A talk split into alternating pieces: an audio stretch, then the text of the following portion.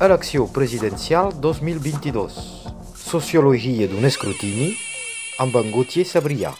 Ja vam parlar la setmana passada d'uns quants lligams eh, entre els mitjans de comunicació i sobretot eh, a qui pertanyen amb els candidats. Avui continuem en aquesta relació entre candidats i mitjans de comunicació, Gauthier. Une sorte de, de, de, de sursaut, de, de réveil, je sais pas comment dire ça. Aujourd'hui et demain à Perpignan. Aujourd'hui et demain à Perpignan. Visca Catalunya, visca Catalunya, Visca Catalunya.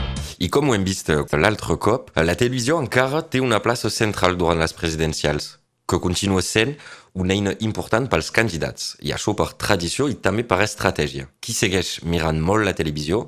La gent més gran. I qui vota més?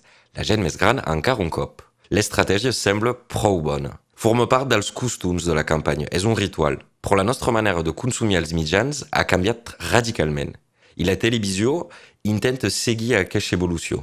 Veiem com fins i tot el format dels debats han canviat. L'exercici del debat amb tots els candidats ha esdevingut massa perillós per uns quants. Emmanuel Macron en vol pas fer més, segurament per por que s'apuntin detalls del fracàs del seu mandat.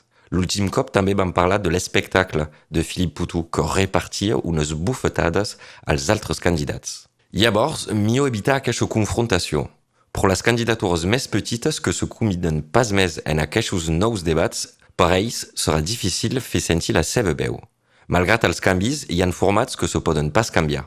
A la televisió tot està cronometrat i són els periodistes qui marquen el tempo i trien les preguntes. Recordem que un òrgan de control dedicat als mitjans tradicionals, el CSA, el Consell Superior de l'Audiovisual. Una de les seves missions és vigilar a l'equitat dels temps de paraula entre els candidats hem entrat en el moment on se donarà molt la paraula als candidats més petits, justament per assegurar una forma d'equitat. I també perquè ja han parlat massa als candidats més importants. Això pot donar situacions ridícules, com el 6 de març, quan BFM TV va posar el míting d'Éric Zemmour i Marion Maréchal, però tallant el so, ja que el candidat d'extrema dreta tenia massa temps de paraula. Bé, i si tothom coneix el CSA, no tothom sap que ha de nom. Ara se diu Arcom, un canvi que s'explica per la fusió entre el CSA i Adopi. Uns quants se recordaran d'Adopi, que va perseguir durant un temps la gent que descarregava il·legalment pel·lícules i música. Aquesta fusió semblava necessària, ja que fem molt més servir internet al dia a dia per nos informar, entre altres coses. I malgrat la falta de control al web, els candidats encara utilitzen poc les plataformes de vídeos i les xarxes socials. L'únic candidat que ha apostat per la comunicació 2.0 és en Jean-Luc Mélenchon. benvinguts als nombrosos fidels habituats. Je vais commencer par vous parler de ce qui se passe en, Catalogne. Euh, je ne vais pas dire que c'est une question simple. Hein. Il y a un coup de force que j'entends, que je vois des Catalans. Moi, je souhaite qu'il soit géré dans la paix. Perpignan la rayonnante, Perpignan la souriante. I estic segur que especialment en el context polític que coneixem, Une sorte de, de, de, de sursaut, de, de réveil, je sais pas comment dire ça. Aujourd'hui et demain à Perpignan. Aujourd'hui et demain à Perpignan. visca Catalunya, visca Catalunya, Visca Catalunya. Però internet també s'ha convertit en una eina important avui en dia. Ici, i fins i tot veiem que pot esdevenir una eina concreta, com en el cas des primaires populaires, on la gent va triar el seu candidat votant per internet. Ara fa uns quants dies, els candidats apareixen en els fils d'actualitat de les xarxes socials. Combini, Brut, Hugo Decrypta, fins i tot Magali Berda, la reina dels candidats de la telerealitat, ha creat un programa on entrevista els candidats, però els candidats de les presidencials. I reprenem l'exemple de la televisió i del seu format. Ho hem dit, és un mitjà tradicional i les preguntes dels periodistes també poden semblar tradicional. Parla d'economia, de geopolítica...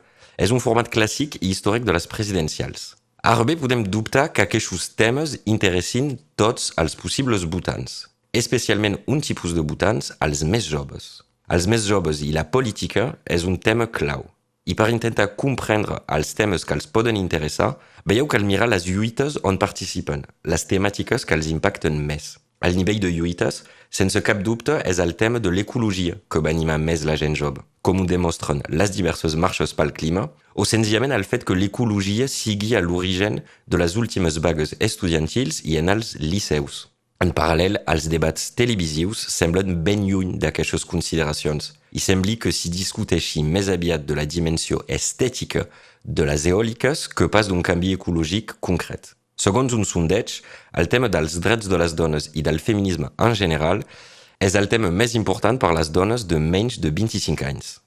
I aquí, pitjor encara que amb l'ecologia, aquest tema passa desaparegut a la tele. Gràcies a les plataformes numèriques, els candidats poden tractar d'altres temàtiques, d'aquestes que poden interessar un públic més jove i amb un altre to. La plataforma Combini ha publicat entrevistes dels candidats sobre la legalització del cannabis, l'assetjament escolar o l'educació sexual. I aquests vídeos ja tenen centenars de milers de reproduccions. Bé, sem prou lluny del vídeo d'Emmanuel Macron amb els youtubers McFly i Carlito, que té més de 17 milions de reproduccions. Però això nos mostra ben que internet s'ha convertit en una eina perfecta perquè els polítics puguin comunicar amb els. I vos recordem que vam dir que Mélenchon era el candidat que havia utilitzat millor les xarxes socials? Doncs és actualment el candidat que té més èxit amb els joves votants. Un canvi històric, ja que els últims anys era Marine Le Pen qui tenia més vots per parts dels joves. Aconseguir tocar aquest públic és un repte pels polítics. Si la gent gran són els qui voten més, els joves són els qui voten menys. Per les últimes presidencials de 2017, l'abstenció dels joves va arribar a un nivell històric i quasi 25% de la gent de menys de 29 anys han pas anat a votar. Veurem si quan creixin es convertiran en gent que miren la tele i van a votar o si és el món polític que s'hi haurà d'adaptar. Ah, això és una bona idea per una propera crònica. Gràcies, Gauthier. Gràcies a tu. Elecció presidencial 2022. Sociologia d'un escrutini amb en Gauthier Sabrià.